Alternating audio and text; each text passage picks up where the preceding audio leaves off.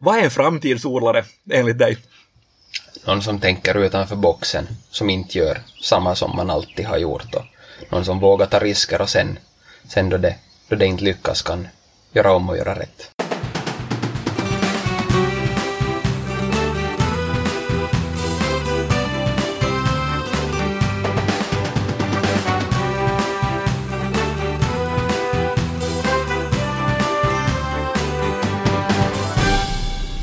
Framtidsodlarna är idag i Miekka i östra Korsholm och jag, Jens Berg, sitter här tillsammans med Kristoffer Ingo. Hej! Hejsan!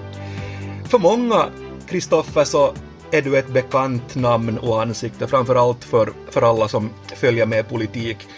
Men du är också, nu räknar jag, tradenom, bonde, lantbruksföretagare och ekonomirådgivare i producentfrågor. Vad är du mest av allt det här som jag räknar upp nu? Det där är jag.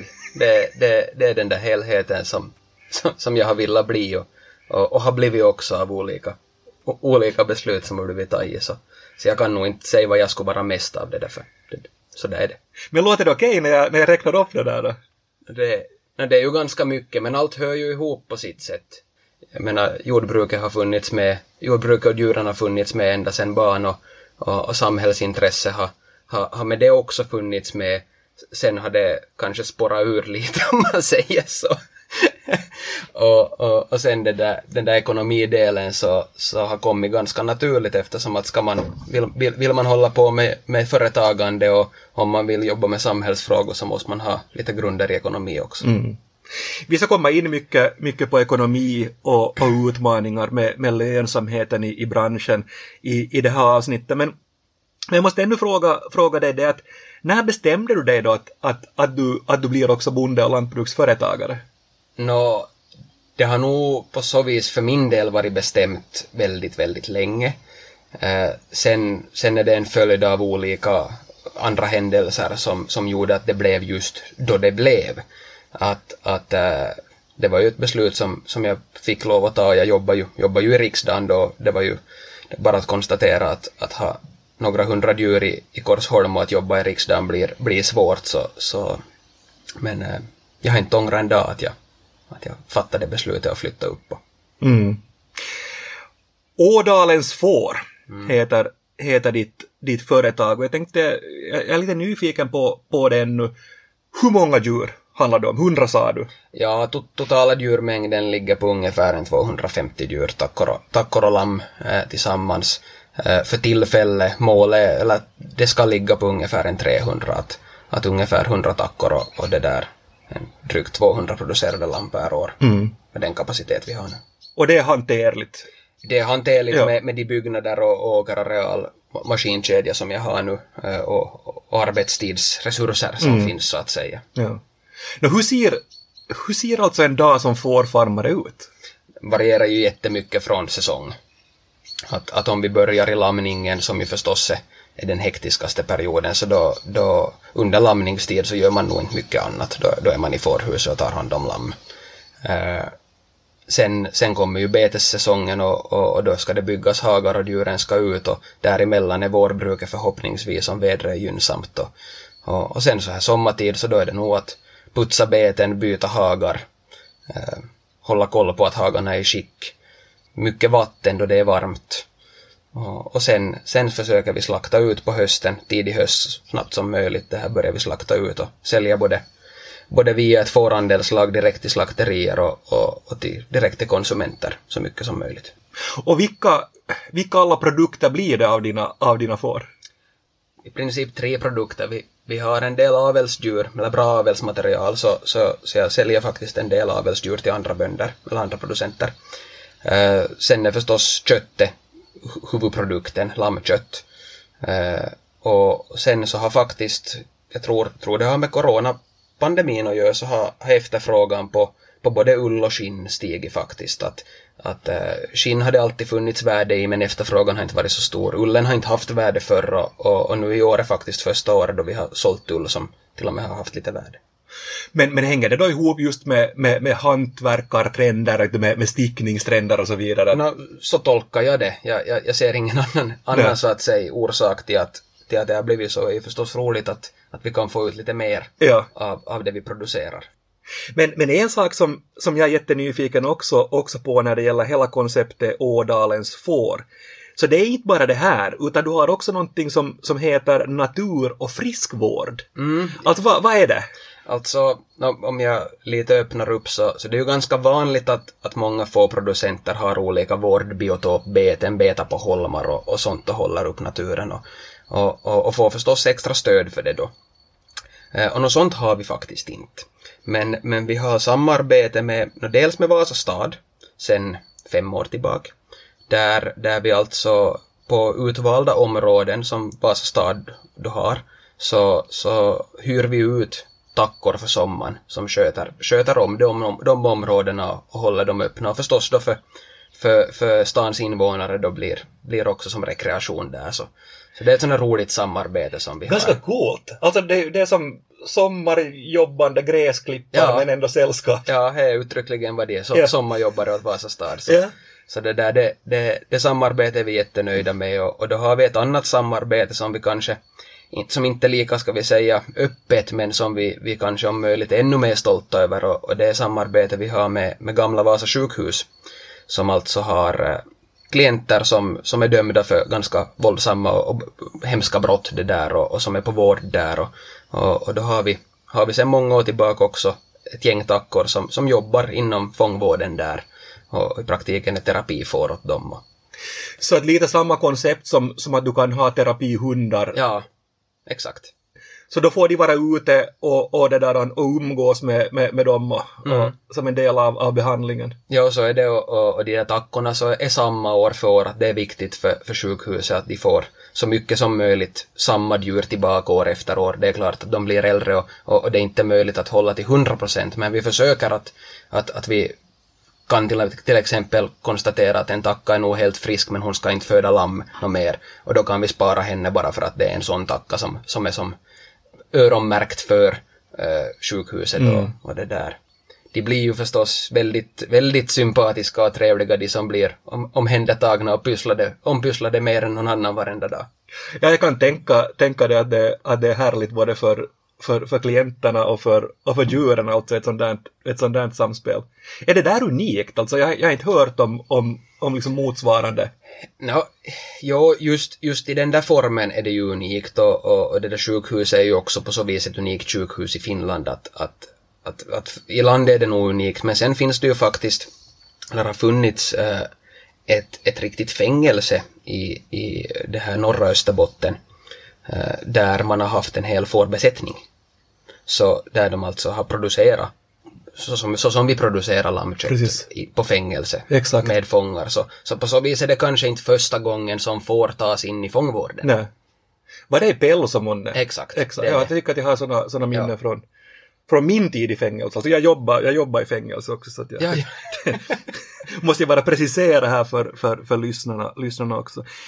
Vi ska gå in, Kristoffer, på, på, på det här med, med, med lönsamhet och, och, och, och den typen av frågor. Men, men jag måste ändå ställa några bakgrundsfrågor kring fårproduktionen i Finland överlag. Alltså hur, hur många hår, fårproducenter finns det i, i landet ungefär? Det, ska vara, det ska vara ungefär en 1300 varpå då hälften kan räknas som, ska vi säga, yrkesproducenter.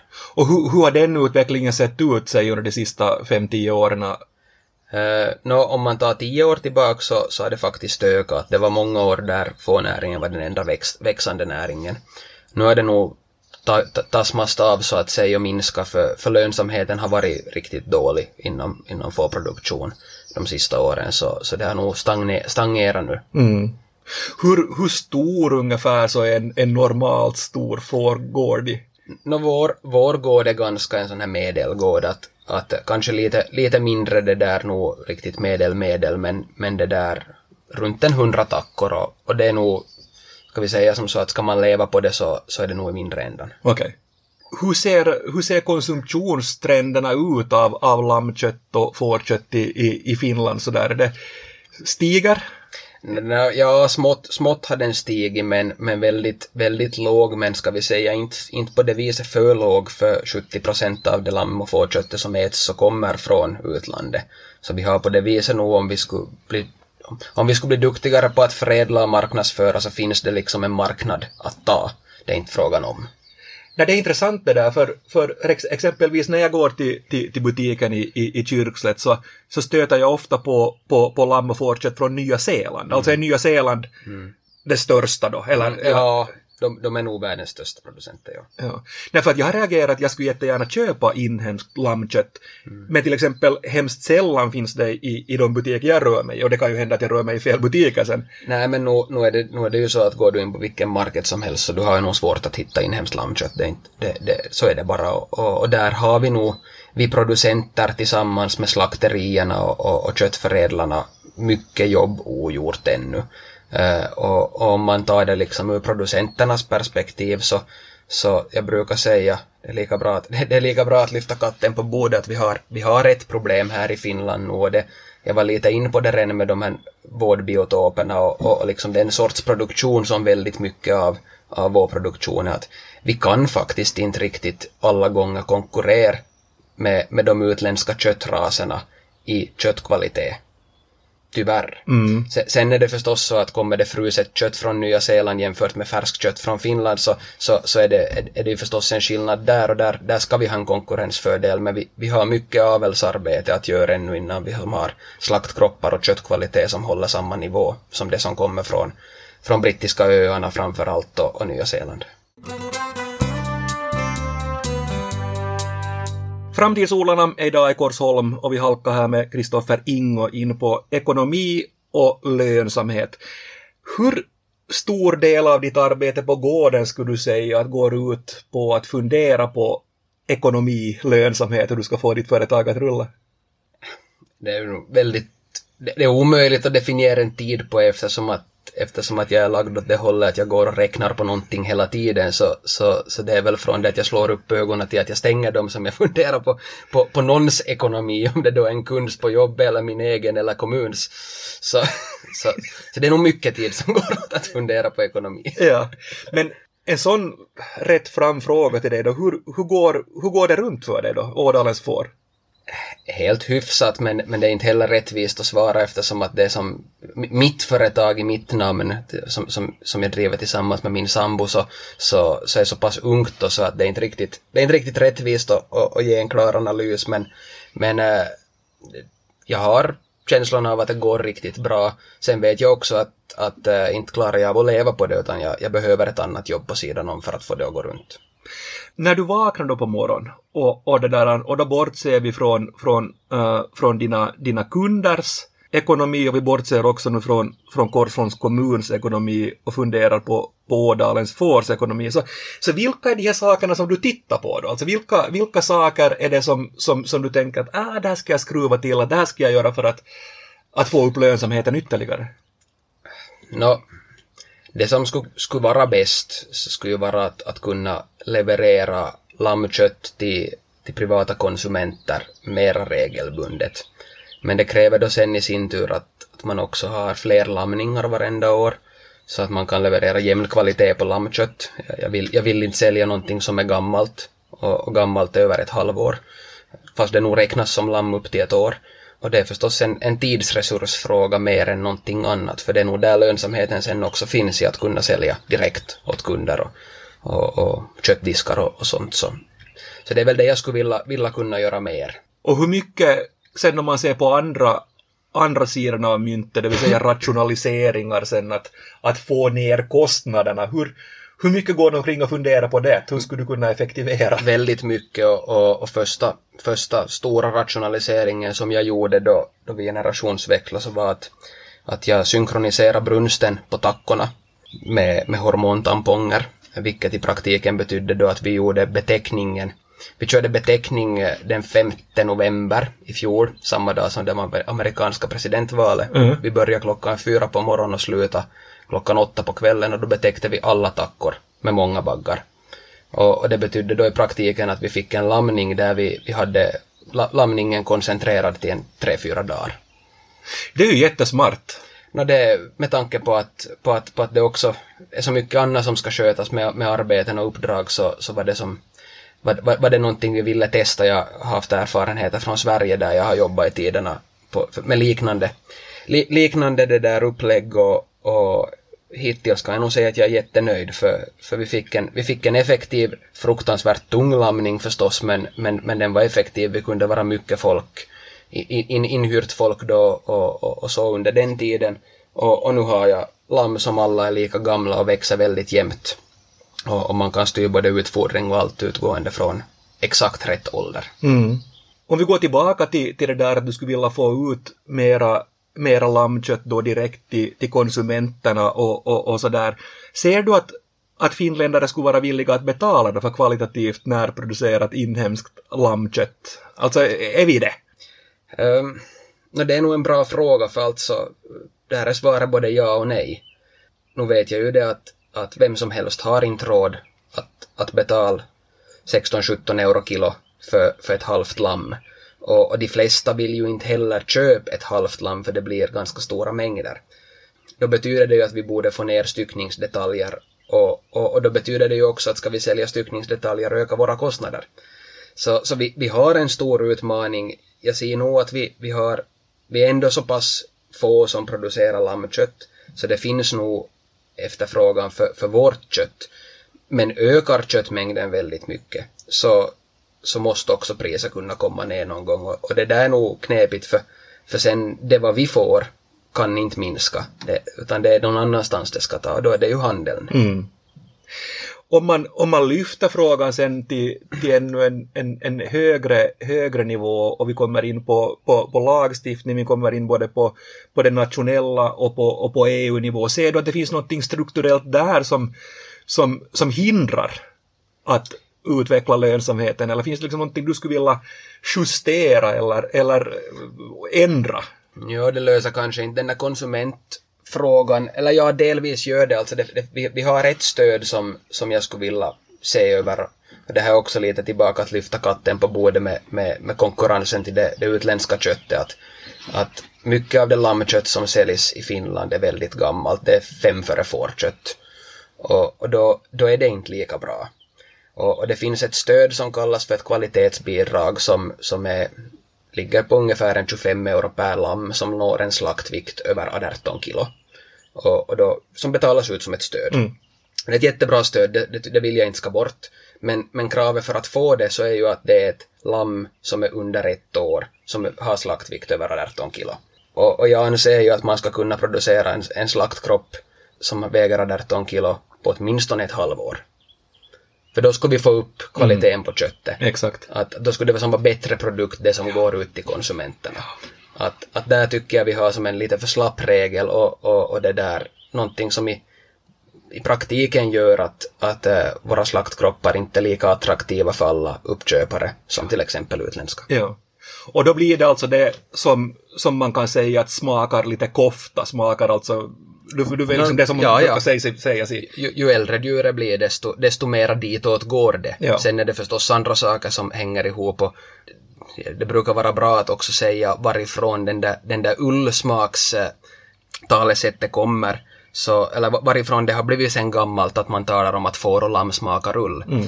För grejen är att om man går tillbaka då vi säger 50 år, 60 år, så växte ju förstås djuren väldigt mycket långsammare. Så de blev äldre. Och sen var man också bättre för på att ta tillvara på allt. Så man klippte fåren strax innan slakt. Och det är det som är det värsta. För om du går och klipper ullen som förstås innehåller en massa naturolja, lanolinolja, så dras den in i köttet. Och om ja, du då direkt efter slaktar så kommer det att smaka ull. Det, det, det, det spelar ingen roll vilket ålderdjur är då, att, att det är som väldigt viktigt att då, då man hanterar lamm som ska på slakt till exempel, så då får man inte dra alls i ullen. För om du drar i ullen så händer exakt samma sak och då förstör du ditt kött. Så, så på så vis, de som förr talar om att, att, att lamm och får smaka ull, så, så de hade rätt. Så är det. Ja. Eller var det. Ja. Men, men idag klipper man inte innan ja. slakt. Minst två veckor måste gå. Jag tänkte vi skulle bredda problematiken med, med lönsamhet lite, lite grann ännu. Du jobbar alltså då också som ekonomirådgivare på ÖSL, alltså Österbottens svenska lantbrukssällskap. Vad går alltså det jobbet ut på? Det, det är ganska mångsidigt och, och jag trivs jättebra, tycker det är roligt. Det är allt från, eh, från det att jag hjälper andra producenter få affärsplaner för investeringsstöd. Det vill säga konkret hjälper skaffa pengar till Österbotten, till jordbruket. Eh, men sen kan det också vara frågan om, om specialfall där det är företagsköp eller, eller annars bara lönsamhetskalkyler på olika inriktningar. Sen har vi den här kanske mer, mer tråkiga biten men absolut jätteviktig där, där det kan vara frågan om skuldsaneringskalkyler eller, eller annars bara att tillsammans med banken och producenten räkna om hur olika lån skulle behöva vara för att man skulle kunna ha en framtid på gården som, som, som är på väg åt fel håll så att säga. Och, och så, så det, det är väldigt mångfacetterat och, och, och jag trivs jättebra. Men vilken är den mest typiska frågan du får, alltså om det är sådär att du, du ser på en, på, en, på en vanlig vecka och räknar ärenden, så, så vad, vad är liksom det vanligaste?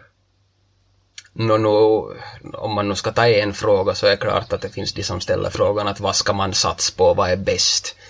Uh, och, och svaret är ju förstås att, att uh, du, kan vara, du kan vara bäst och lyckas i, i vilken bransch som helst eller med vilken inriktning som helst, att allt handlar om hurdana förutsättningar du har och hur mycket du är villig att jobba för det.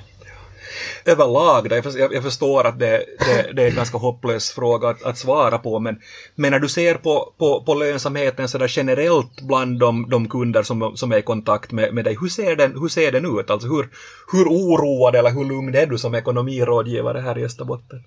Nej, är väldigt varierande för jag får ju som sagt se både både de som, som det går bra för och som investerar mycket och som, som också klarar av att betala sina investeringar. Så, så jag ser en del riktigt bra gårdar. Men nu ser jag ju också de som, som det går sämre för och, och, och nu är det ju ganska många om man talar vanliga spannmålsbönder eller, eller mindre djur, djurproducenter så som jag själv som är tvungna att ha andra jobb på sidan om, om det då är att man kör på entreprenad eller att man gör någonting annat men, men, men det där inte kan jag påstå att lönsamheten är hög. Men, men om vi ser på de här som det går bra för då, ser du gemensamma nämnare? Alltså ser du någonting att, att, att det här gör de här gårdarna som sannolikt leder till att, att, att lönsamheten kommer att vara god i framtiden också? de jobbar hårt och har jobbat hårt länge. Att, att det där, vilka förutsättningar man har är nog, är nog väldigt avgörande. Att, får du generationsväxla ett stort jordbruk som är mer eller mindre skuldfritt och du, du, du slipper betala dyra pengar för det, då har du bra förutsättningar att kunna ha hög lönsamhet på framtiden. Men om du generationsväxlar ett skuldsatt jordbruk och måste betala mycket för att få ut tidigare generation, då är, då är det mycket svårare, oberoende vilken inriktning du än är i. Hur medvetna skulle du säga sådär rent generellt är kunderna eller de som är i kontakt med, med rådgivningen sen kring ekonomi. Alltså hur, hur, hur, bra, hur bra är de att handskas med pengar? som, som, som med allt annat så varierar det också. Alltså, ja. ska vi se, du har ju redan kommit ganska långt om du ringer till ekonomirådgivaren så då har, du, då har du tagit ett, ett, ett första steg. Och vissa, vissa är ju väldigt insatta och, och jag brukar tycka absolut att det är roligast att jobba med de som, som kan sin ekonomi och sitt företag bäst. Det är absolut lättast att göra ett bra jobb åt en sån. Eh, sen finns det nog de som borde ha ringt för ett år sedan och som har låtit det gå. Och det är de värsta, värsta fallen nog att, att om man väntar och inte tar tag i problem i tid och inte ber om hjälp då man behöver hjälp, då kan det nog vara väldigt svåra, svåra uppdrag att reda ut och, och ofta blir det nog ganska tungrodda case tillsammans med både bank och, och ibland LPA och, och så vidare. Jag kan tänka det ja. Men hur mycket, hur mycket fallerar det där i, i själva uppföljningen och, och, och liksom ska vi säga en du, någon form av dubbel bokföring eller att man själv så att säga har koll på, på plus och minus fast i en liten Excel-tabell hemma i sin dator. Om du förstår vad jag menar? Jo, no, alltså ska vi säga har det gått för långt så, så då, då måste man ju som gå och börja med, gå tillbaka till var, var det liksom första problemet har varit och, och, och det är klart att att till exempel mjölkgårdarna så märks det nog bra ännu av den här, den här Rysslands Eh, exportstoppen 2013 och, och då var det dålig lönsamhet. Sen är det väldigt tungrodda jobb, alltså de jobbar ju fysiskt väldigt, väldigt mycket. Och, och då orken börjar ta slut, det kan vara att en äldre generation har slutat jobba, någon som har jobbat gratis i 10-15 år, bara inte fysiskt klarar av ännu mer. Och, och så faller allt på, på en, en, en lite, för, lite för gammal producent för att klara av att jobba 16 timmar i dygnet varenda dag. Så, så då, då, liksom, då kommer man in i en ond spiral där den där, den, den där datorn öppnas inte helst så att man får en chans till Excel-filen. Och, och då, då, då, då redan borde man ringa och be om hjälp. Och inte låta det bara rulla på. Nej det är mycket tal om, om, om storskalighet och, och småskalighet och, och vad som är någon form av optimal storlek, att det må sen handla om spannmål eller, eller djurgårdar och så vidare. Men ser du, ser du någonting där som är, som är generellt kring, kring eh, lönsamma eller, eller utmanande gårdar när det gäller stort versus smått? Nå, nu är det de här större producenterna som, som också i regel har lättare att få ut satsat kapital. Men, men det, det finns också de som har investerat för mycket och vuxit för snabbt och, och, och då blir smällen väldigt mycket hårdare än på en liten gård. Det, det, är svårt att svara på sådär rakt, rakt av för sen finns det också väldigt mycket mindre gårdar som, som har effektiva kedjor där man vet exakt vilka maskiner man ska ha och resten lejer man in förmånligt och, och det där så kanske man förädlar en produkt lite längre och säljer till exempel direkt åt, åt konsumenter allt vad man producerar. Då kan man ha lönsamhet i en liten gård då. Hur mycket handlar frågeställningen också om när dina kunder kommer till dig och, och funderar att ja, ja, ska jag köra konventionellt eller ska jag köra ekologiskt? Alltså den typen av kalkyler kring, kring lönsamhet. Nu, nu finns det sådana frågor och jag märker speciellt på de som är igång för, för att, eller står inför generationsväxlingar så är det mycket av de här yngre, yngre generation som, som tänker att vi, vi, då vi generationsväxlar så lägger vi också om till eko att, att kan vi räkna på det och, och det tycker jag är roligt det här att se. Sen är ju förstås risken med eko att då ekoarealen ju på sista åren har vuxit ganska mycket totalt i Finland alltså så, så är det ju nog på så vis en en, en ganska riskabel bransch att, att då priserna är bra, är de riktigt bra, då är det lönsamt, det är inte frågan om. Men, men priserna kan också vara väldigt, väldigt låga och då är det inte alls lika lönsamt. Men hur, hur djupt måste du gå in i det och titta på, på liksom helt den individuella gården, hur det ser ut? Skulle den då vara lämpad exempelvis för, för eko? Hur ser markerna ut? Hur finns den geografiskt och så vidare? Förstår du? Är det liksom, mm. Sitter du med en karta också framför dig och tittar? Nå, nå, väldigt sällan nog faktiskt med karta på så vis, men, eh, men nu kollar vi ju på till exempel markkarteringar då det ska sökas uh, investerings och startstöd så ser vi, ser vi på att hur, hur ser markstrukturen ut och vilka jordarter är det, är det frågan om. Vid behov så kopplar jag ju in förstås kollegorna som är växtodlingsrådgivare och husdjursrådgivare och liksom ser att, att hur, hurdana förutsättningar finns där. Att, att eh, för min del är det mer som nog att jag, jag räknar och, och, och så litar jag på att min producentens och kollegornas kunskap sen räcker till. Jag tänkte vi skulle avrunda med att du får byta hatt lite, lite grann. Du får ta på dig politikhatten nu mm. och säga en sak eller, eller föreslå en åtgärd som du skulle vilja driva igenom antingen nationellt eller på EU-nivå som på ett avgörande sätt skulle påverka lönsamheten för en lantbruksföretagare. Det var en lätt fråga här avslutningsvis. jo, avsevärt skulle, skulle påverka lönsamheten. Jag skulle, jag skulle nästan vilja gå in på byråkratin. Alltså inte, inte för det att, att det där, det är kanske den per se som tar lönsamheten, men, men äh, det är den som stressar, stressar ute på gårdarna att, att äh, vi är väldigt övervakade och det är väldigt mycket blanketter för olika saker. Och, och, och det finns reglering kring nu till exempel allt med tvärvillkoren och det som, som man nog kan liksom fråga är det faktiskt nödvändigt. Så jag skulle nog vilja ha ett riktigt sånt här, på, e, på EU-nivå som skulle implementeras för finska mått, ett riktigt sånt här byråkrati, eh, byråkratiskrotningstalko, där vi skrotar onödig byråkrati. För, för, för på sikt så skulle jag också göra gott åt lönsamheten. Men förstår allmänheten hur mycket pappersarbete det, det är. Alltså... Nej, det gör man inte, och speciellt inte om du tar ännu till, tar, tar en ekologisk äh, mjölkgård. Så då, då, då är vi liksom nog på den nivån att det är, en större ekologisk mjölkgård skulle kunna ha en anställd som bara vänder papper.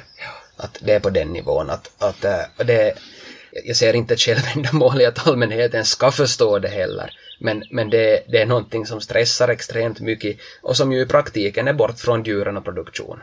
Och det betyder i så fall att då ska du ha ett intyg exempelvis för att nu är det här totalt antibiotikafritt och du ska ha ett intyg på varifrån allt foder ja, kommer det, exempelvis. Det, ja, ja, det är försäkran på exakt allt och det är klart, jag menar en, en man har ju också ett ansvar att, att man uppfyller alla regler som finns och, och jag vill inte skrota alla regler, regler, vi har mycket regler som behövs och ska vara. Men, men det är den där uppföljningen och, och det där, ja, helt enkelt byråkratin i hur den verkställs som man nog skulle kunna se över. Tänker du att du, att du en dag, om säg 15-20 år, sitter i riksdagen, i riksdagshuset igen, nu som, som invald, och så förverkligar du det här? ja, jag, jag, brukar inte, jag brukar inte göra upp så långa planer det där så, så, så jag, jag, har, jag har ställt upp i två riksdagsval och, och, och för tillfället känns det inte som att jag ska göra något fler på en bra stund. Jag, jag tycker jag har alldeles tillräckligt att göra för tillfället och är nöjd med, med vad jag gör. Så, så, men äh, det behöver ju inte vara jag som gör det utan jag, jag räknar med att jag kommer att ha goda kontakter till riksdagsledamöter och ministrar också i framtiden. Tack Kristoffer Ingo för att jag fick besöka dig här idag. Tack för det. Och tack för att du har lyssnat. I vanlig ordning så blir det ett nytt avsnitt av Framtidsorlarna igen om två veckor på återhörande då. Mitt namn är Jens Berg.